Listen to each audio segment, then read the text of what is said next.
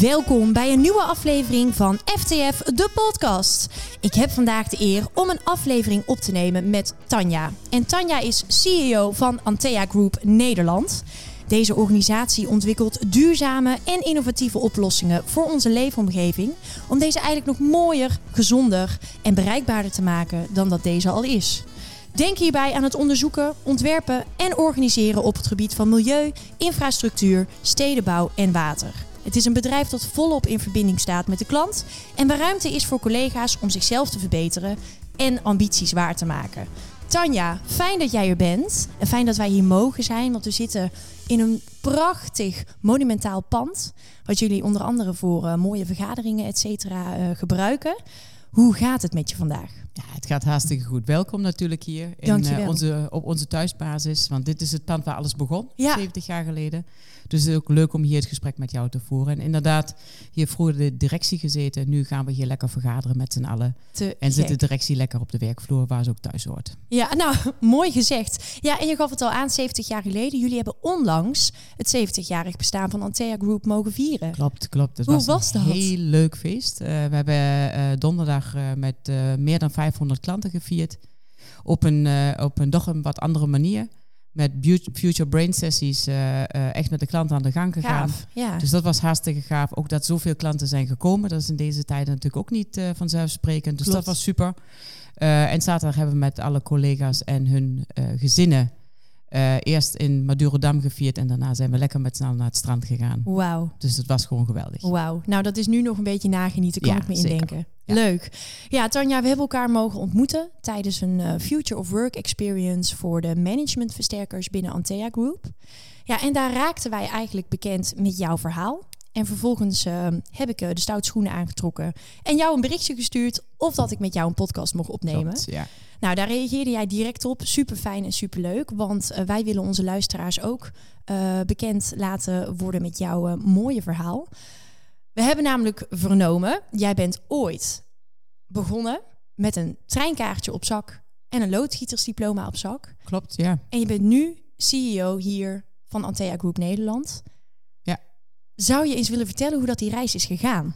Ja, het was uh, eigenlijk een reis waar je, als, als je die reis doet, niet zo bij stilstaat. Maar dat is altijd als je op reis gaat. Hè, dan denk je van, hé, hey, ik ga weer iets nieuws uitproberen. En dan ga je op pad en ja. uh, dan zie je wat er gebeurt. En zo is deze reis eigenlijk ook gegaan. Mm -hmm. Ik ben inderdaad begonnen als loodgieter uh, bijna 30 jaar geleden. Ik mag, durf het bijna niet hard op te zeggen.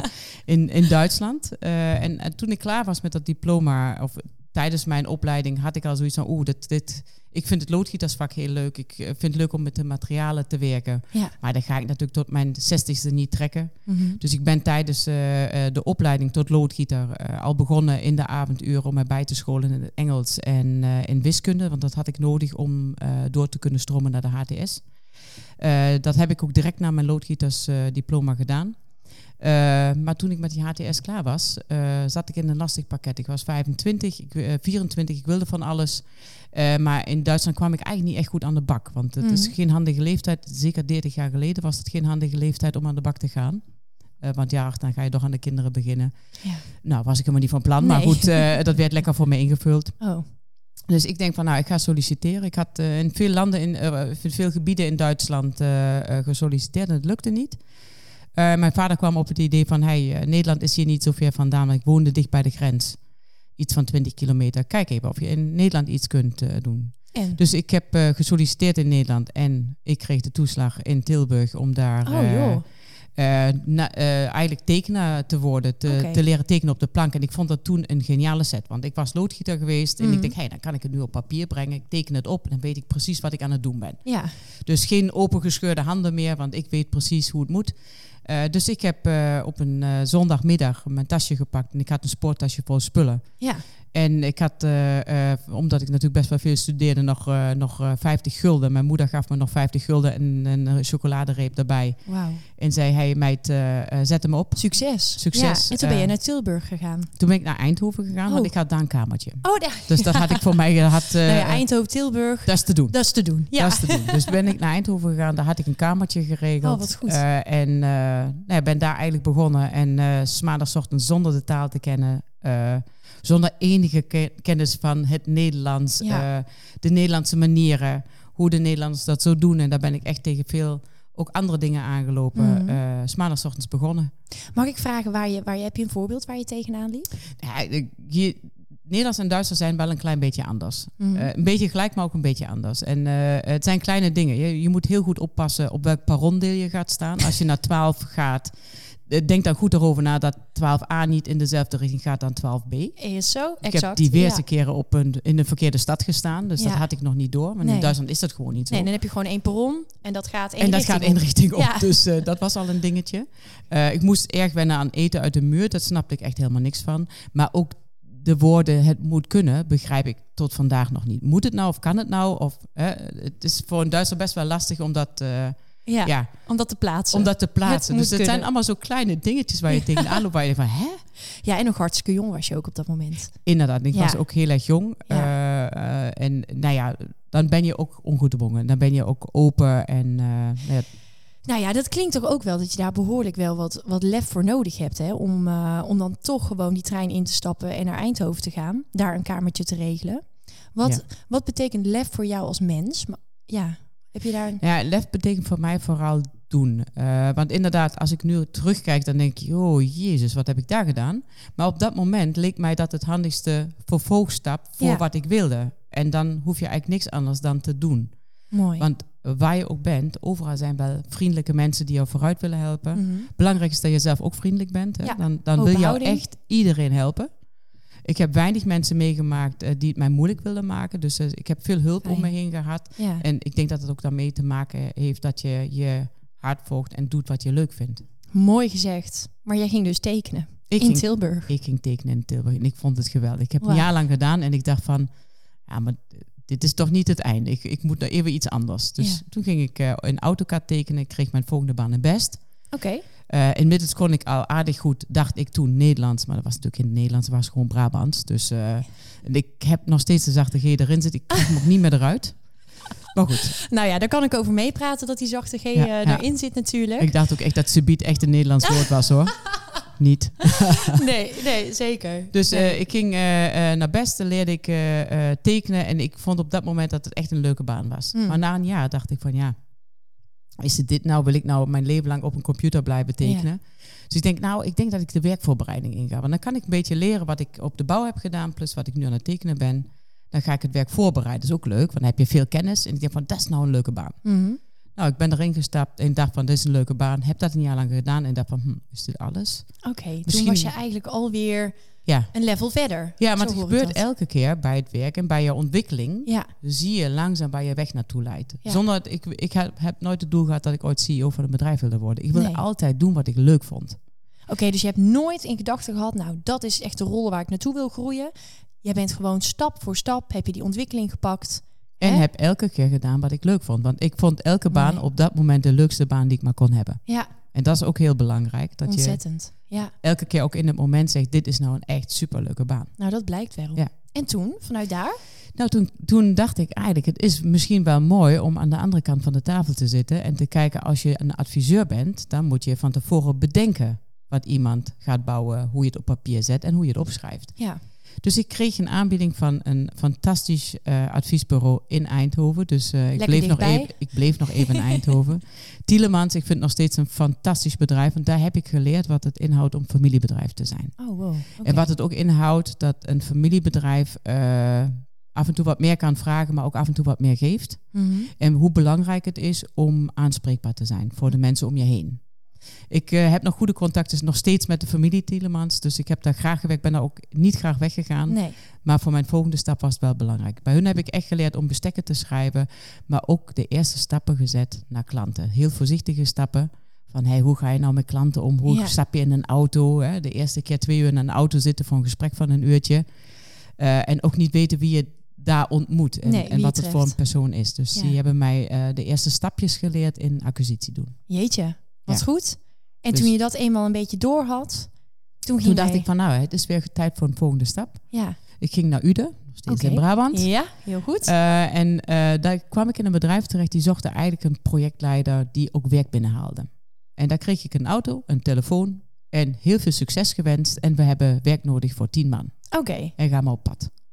Ik vond het geweldig. Ik vond ook de eerste paar keren weer met bibberende knietjes de auto in en uitproberen hoe moet ik dit nou doen. Ook Ja. daar heeft me weer vriendelijkheid en gewoon openstaan voor mensen om je heen geholpen. en gewoon doen. Dat En gewoon lef. doen. Ja. Stap erin. Doe het gewoon. Overal zijn vriendelijke mensen. Doe die stap. En daar heb ik eh, ja, ook heerlijk geleerd hoe het, eh, wat het betekent om, eh, om een netwerk op te bouwen. Ze hebben mij daar ook een beetje op getraind. Mhm. Naast dat ik echt behoorlijk in het water gegooid werd, werd ik ook op getraind van hoe ga je dat nou op een goede manier doen? Hoe Ja. ga je met een klant goed in gesprek? Mhm. Een belangrijke daarbij is denk ik ook een belangrijke sleutel van heb gemeente aandacht voor de mensen. Ja, Want als je dat speelt, hebben ze het door. Ja, En hoe mooi is het om een verhaal van iemand anders te horen? ja, En mooi dat heb ik daar echt, echt geleerd. Dus eh, dat was mijn volgende stap. En eh, ja, na een tijdje dacht ik van, goh, nou ben ik met kleine projectjes bezig. En ik zou eigenlijk toch wel wat eh, de stap willen maken naar nog een groter netwerk. Mhm. En naar meer grotere projecten. En zo kwam ik op het spoor van toenmalig nog Oranjewoud. Mhm. En daar kwam ik in gesprek met de HR-directeur. De toenmalig, of de, de HR-manager. Van, hey, wat zijn de mogelijkheden hier? Ja, En toen mocht ik eh, als eh, projectmanager beginnen bij Antea Group. En dat was eigenlijk eh, ja, toenmalig Oranjewoud. Dat was mijn eerste stap in dit bedrijf. ja, Dat is inmiddels ook al 15 jaar geleden. ja, ja. Ja. Maar tussentijds, en, en ehm, geef het aan als ik dat fout heb, maar ik dacht vernomen te hebben dat tussentijds ben je wel weer een keer weg geweest hier bij Des Oranjewoud. En daarna is het? Antea Group geworden. Maar we Oh, hebben wel een naam gewisseld. hier, ik, ben de eh, ah, ik oké. ben 15 jaar hier. En we hebben in 2014 is de naam veranderd. Ah, vandaar. Waarom dat is gebeurd, leg ik zo wel even. Oh, nou, ik ben heel benieuwd. Ja. Dus nou, ik kwam hier terecht als projectmanager. Ja. En ik mocht lekker los. Ik eh, eh, kon, kreeg ineens een veel groter netwerk. Ik leerde veel collega's kennen. Want dan heb je ineens 1500 collega's die ook een netwerk hebben. Ja, Ja. hoe mooi is dat? Ja. Dus ik ging vol energie en ook het gevoel van ik ga nu lekker spelen Mhm. bij Antea los. En dat was voor mij weer een extra wereld daarbij. En ik heb dat met heel veel plezier gedaan. Eh, zelf ook altijd in de projecten gebleven. Ik vond het belangrijk om zelf ook in de projecten te blijven. Om heel goed de klanten te snappen. Ja. Ehm, en na een aantal jaren dacht ik van het is eigenlijk wel mooi om een keer te leren hoe je zo'n afdeling aanstuurt. Want dan Mm. heb je niet alleen de projecten, maar krijg je ook nog eens een beetje eh, de bedrijfskundige achtergrond van zo'n afdeling mee. Nou, die kans kreeg ik na een tijdje, want eh, kansen krijg je hier altijd volop, maar je moet ook een beetje geduld hebben, want die plekken moeten ook maar net vrijkomen. Is zo. Ja. Nou, ik had geduld en ik mocht adviesgroepmanager bouw worden. Oké. En dat echt mijn absolute droombaan op dat moment. Ik denk van, beter kan echt niet. Ik doe nou echt helemaal wat ik leuk vind. Ja. En beter kan niet. Eh, en dat heb ik ook heel lang gedaan. Eh, ik denk zo'n acht jaar ben ik adviesgroepmanager bouw geweest. En toen dacht ik van, mm, ik heb nou inhoudelijk eh, alles goed aangevuld, maar ik mis voor mijn gevoel toch nog een beetje de bedrijfskundige kant. En Mhm. ik had heel sterk in mij zoiets van, ik wil dat toch beter kunnen doen. Oké. En toen had ik een, vond ik toen een geniaal idee. Ik denk, ik ga de MBE volgen. En omdat ik de MBE heel erg bedrijfskundig is, dacht ik, ik doe daar Master of Science gelijk bij. Oké. Kijk eens aan. Wat een geniaal idee. Ja, En ik blijf ook lekker 40 uur werken. Nou, dat lukt was- allemaal vast. ik was een jaar onderweg en denk, wat was dit een slecht idee. ik was gewoon 40 uur aan het werk. Oei, Nou ja, oei, als oei. adviesgroepmanager moet je echt ervoor zorgen dat heel veel werk ook binnenkomt. Ja. Dus je voelt ook wel de druk. Ja. En eh vrijdagsmiddags om vier uur ging ik richting huis. Om vijf uur zat ik achter de computer. Tot, s'avond- tot zondagsavond, tien uur. Ja. En dat heb ik drie jaar volgehouden. Maar dat was echt het slechtste idee die ik ooit had. Nou, want dit het is vind ik best nog eh, knap. Drie jaar lang volgehouden. Dat vind, jaar, ik, eh, dat vind ik bizar eigenlijk. dus wat dat was best wel zwaar. Ja. Ik heb ontzettend veel geleerd. Ik heb echt een, het was een ontzettend leuke tijd ook. Want ik moest een deel van mijn studie ook in Berlijn doen. En een deel van mijn studie in Vancouver. Oké. Dus weer een hoop nieuwe mensen leren kennen. Maar vooral ook echt geleerd hoe je een, op wat voor manier je een bedrijf aan kunt sturen. Mhm. Eh, maar ook hoe je bedrijfskundig een bedrijf eh, aan moet sturen. Nou, Maar dat zijn natuurlijk dan twee verschillende Ja. facetten eigenlijk. Ja. Ehm, wat was eigenlijk, de... eigenlijk drie, want je zit eh, in deze opleiding kijk je naar het mensdeel, je kijkt naar de bedrijfskundige aansturing, maar je kijkt ook naar je persoonlijk leiderschap. En wat was de grootste les die je daarin geleerd hebt? Nou ja, kijk, jouw persoonlijk leiderschap is heel bepalend voor hoe een bedrijf draait. Mhm. Dus hoe je daar ook als leider in staat. En hoe je ook uh, daarvoor kunt zorgen dat je voldoende reflectie om je heen organiseert. Ja. Want wat ontzettend belangrijk is bij een bedrijf is dat je mensen om je heen hebt die jou reflecteren. Mhm. En dat gaat niet altijd vanzelf, dat moet je echt organiseren. Dat moet je echt om je heen verzamelen. En daar ook een beetje om vragen zelf dus? Daar moet je om vragen, maar je moet ook het gedrag daarvoor vertonen. Dus je moet laagdrempelig zijn, je moet aanspreekbaar zijn. Zodat mensen om jou heen helpen om uh, ja, het bedrijf goed te leiden. Want zoiets doe je nooit alleen natuurlijk. Hè? Mooi. Hier zijn 1500 man uh, bij Antea Group die, mm. die met mij samen dagelijks daarvoor zorgen dat dit bedrijf draait. Ja. Dat kan nooit één leider alleen. Nou, wat en dat is heel belangrijk. Ja, is ook zo natuurlijk. Ja. Maar goed, ik ben ook wel heel erg blij dat je dat zo hier nu uitspreekt. We komen ook wel eens andere organisaties tegen waarbij dat net iets anders uh, in elkaar steekt. En ik vind het juist heel erg mooi dat jij dat hier zo kenbaar maakt en ook zo Um, ja, je gaf het net al aan. Hè. Af en toe hoor jij terug vanuit jouw omgeving. Hè. Mensen vinden jou ook zo uh, uh, laagdrempelig in, in dat opzicht. Hè. En heel benaderbaar en toegankelijk. Ja, dat is niet altijd wat we tegenkomen. Dus dat is alleen maar heel erg mooi, Tanja. Ja, ik denk dat het heel belangrijk is. Ja. Want dan uh, kun je ook met z'n allen de goede dingen doen. Ja, zeker. En pas als je zelf ook het gevoel hebt van ik hoor bij deze club en ik mag ook meesturen, dan ga je er ook voor. Ja. Tenminste, dat was voor mij in, in mijn carrière stappen altijd ook zo. Mooi. Mooi, ja. En heel eventjes, want ik vind dit wel een heel mooi onderwerp om nog heel even op door te gaan. Uh, je hebt dus in die studie uh, ontzettend veel eigenlijk van drie elementen daaruit meegenomen. Um, kijk, en wij merken binnen de FTF dat bijvoorbeeld organisatiecultuur ook mm. ontzettend van belang is. Absoluut. En jij gaf net al aan hè, in het gesprek van, en ik geloof dat het Tielemans was, het, het mhm. familiebedrijf waar jij zo ontzettend veel geleerd hebt over hoe met elkaar om te gaan. Dat is ook een bepaalde uh, cultuur die daar heeft geheerst. Ja. Uh, hoe zie jij dat nu binnen Antea Group? Ja, bij Antea Group heb je eigenlijk uh, echt de vier kernwaarden die je in je hebt uh, en als je die hebt, dan blijf je hier en dan vind je het hier geweldig. Oké. Allereerst, onze mensen zijn allemaal ondernemend. Mm -hmm. uh, ze zijn ontzettend druk elke dag met de klant en ze gaan ondernemend er lekker op los. Je wordt ook geen enkel uh, moment gecontroleerd of je binnen bent of niet. Dat is eigen verantwoording. Je gaat ook zelf op pad, je zoekt je eigen werk, mm -hmm. je zoekt je eigen klanten. En mensen die daar goed mee om kunnen gaan, die gaan hier helemaal opbloeien. Ja, die dus passen hier. Die passen hier. Ja. En dat heb ik ook heel sterk in mij. Mhm. De mensen die wij in dienst hebben, allemaal hun eigen karaktertje. Dat vinden we ook belangrijk. Je Mhm. brengt jezelf mee en zoals je bent is oké. Ja. En daarmee ga je naar buiten. En daar dealen we mee. Dus we willen geen allemaal dezelfde mensen Nee. hebben. Dus ik vind het fijn ook dat onze mensen dat ook heel sterk in zich hebben. En als je een karaktertje hebt hè, eh, eh, wat, wat minder handelbaar is, is dat ook oké. want Ja. eh, Dat heeft ook weer zijn... dat heeft ook weer zijn positieve ja. kanten. We willen niet allemaal dezelfde mensen hebben. Nee. Dus karakter vinden we heel belangrijk. mhm. Dat je je wilt ontwikkelen is hier heel belangrijk. Er wordt, wordt veel aangeboden qua ontwikkeling. En je ziet het ook aan, mijn carrière stap. Mhm. De mensen die in ons directieteam zitten, die hebben, zijn ook allemaal door gaan ontwikkelen. Dus we vinden het heel belangrijk dat je ook de kans die je krijgt pakt. En dat mag ontwikkelen dat je van projectleider langzaam richting directie gaat. Maar je mag ook een specialist worden, een Ja. inhoudelijke expert. Oh ja. Eh, dus er zijn heel veel richtingen waar je op kunt, op kunt ontwikkelen. Ja. Belangrijk is dat je wel blijft bewegen. Dus die ontwikkeling vinden we belangrijk. Stilstaan is geen optie. Nee, Stilstaan is geen optie. Eh, de volgende stap is eh, het mensgerichte, zowel naar je collega's toe, maar ook naar onze klanten. Dat vinden we ook ontzettend belangrijk. Ja. Nou, als je die vier componenten in jou hebt, dan doe je het hier fantastisch. Ja. Ja, en dan hoor ik die vier componenten en dan denk ik, ja, dat hoor ik eigenlijk ook heel erg terug in jouw hele reis die je net beschrijft. Klopt, ja. ja. Ik hoor dat echt ontzettend Ja. terugkomen. Ja.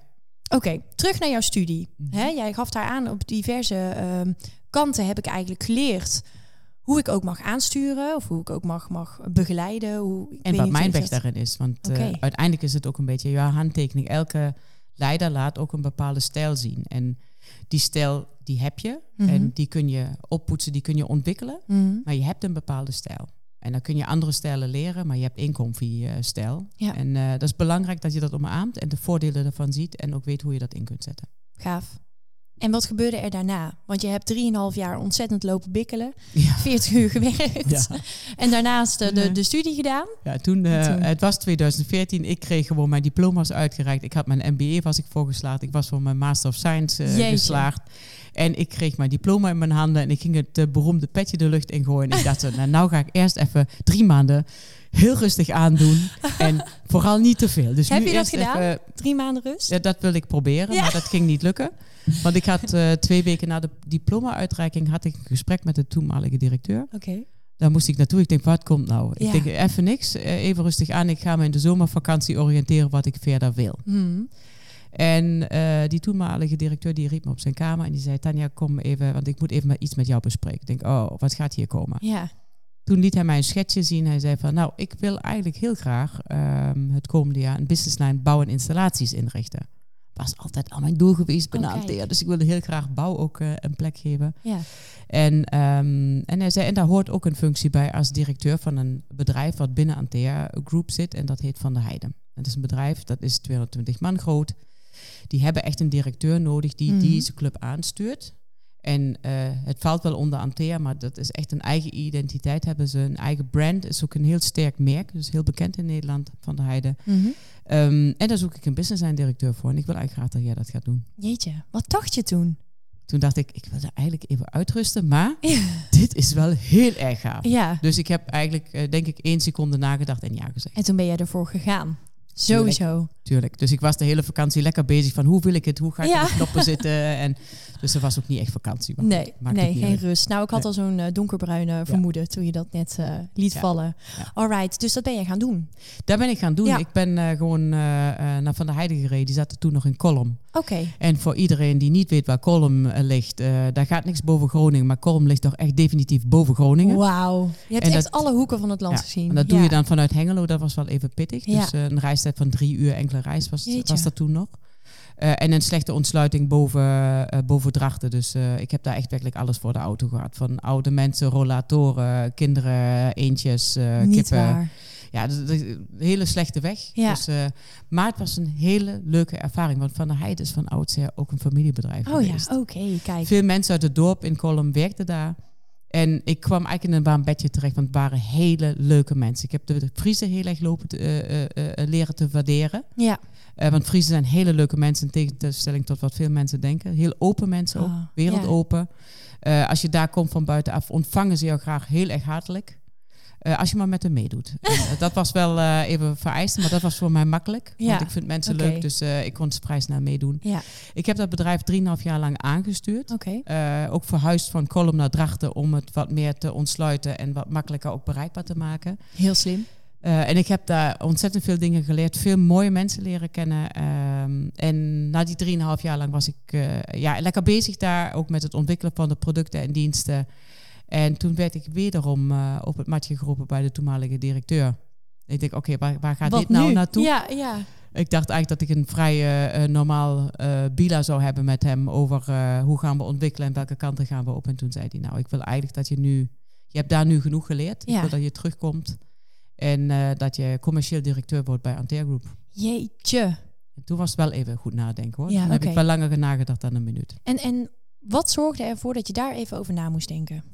Eh, vooral eh, de hartelijkheid van de mensen bij Van der Heijden en Mhm. het familiebedrijfgevoel, maar Ja. ook mijn verantwoordingsgevoel. Ik was daar de directeur. Ja, ja, dus jouw connectie daar naartoe, die was zo die groot. was heel sterk en ik Ja. wilde de mensen niet, eh, voor mijn gevoel niet alleen laten. Nee. Dus dat maakte wel dat ik erover na ging denken. Maar oh, Van der Heijden mooi ook weer. Ja. is en blijft natuurlijk wel een onderdeel van Anteer. Dus ik hoefde ze niet helemaal los te Nee. laten, want ik ben nog steeds directeur van Van der Heijden en eindverantwoordelijk voor Van der Ah, Heijden. kijk, dus, ja. Ja. maar ik ben er niet meer dagelijks. En Nee. dat vond ik wel zwaar. ja. Dat vond ik heel zwaar, want je, je bindt je ook aan mensen. En ik, eh, eh, mensen werken niet alleen voor een merk, maar werken ook voor een bedrijf, voor hun collega's. Ze komen voor de, voor de leidinggevende. En ik kom ook voor de mensen. Het is niet eenrichtingsverkeer. Ik kom Mhm. hier ook omdat ik mijn mensen leuk vind. Omdat Mhm. ik leuk vind om met hun te werken. Ja. En dan is een besluit niet snel genomen, Nee. ook al is het een leuke carrière stap. Wat mooi. Moet je daar goed over nadenken. Ja. Ja. Nou, dat heb jij even laten rusten. Dat, eh, ja, daar heb Ja. jij over nagedacht. En uiteindelijk heb je aangegeven, ik ga er weer voor. Ik ga er weer Ik voor je. Want ik kriebelde toch te veel om toch... Hè, de commerciële drijf, die was te groot om, eh, om het niet te doen. Nee.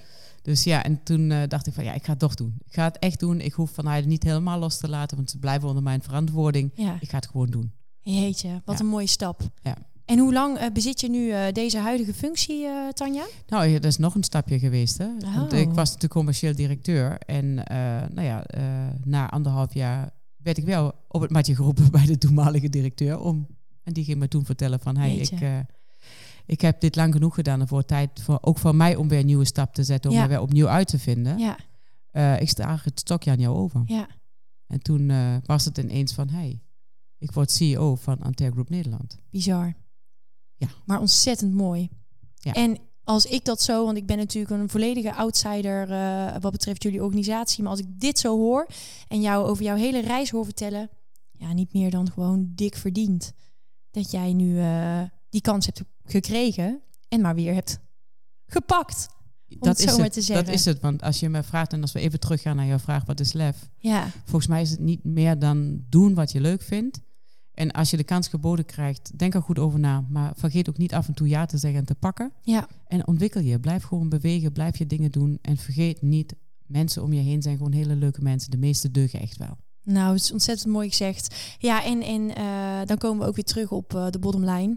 Samen Ja. maken we de wereld een stukje mooier. Elke dag weer, ja. Super gaaf. Tanja, dankjewel. Graag gedaan. Dankjewel voor jouw mooie verhaal. Dat je de tijd hebt genomen om dit even met ons te delen. Met de luisteraars van FTF, de podcast.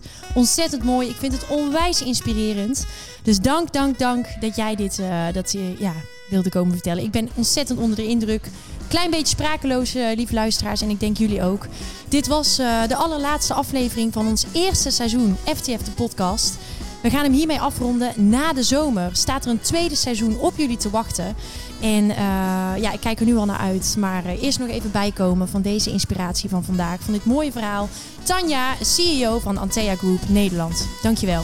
Dankjewel.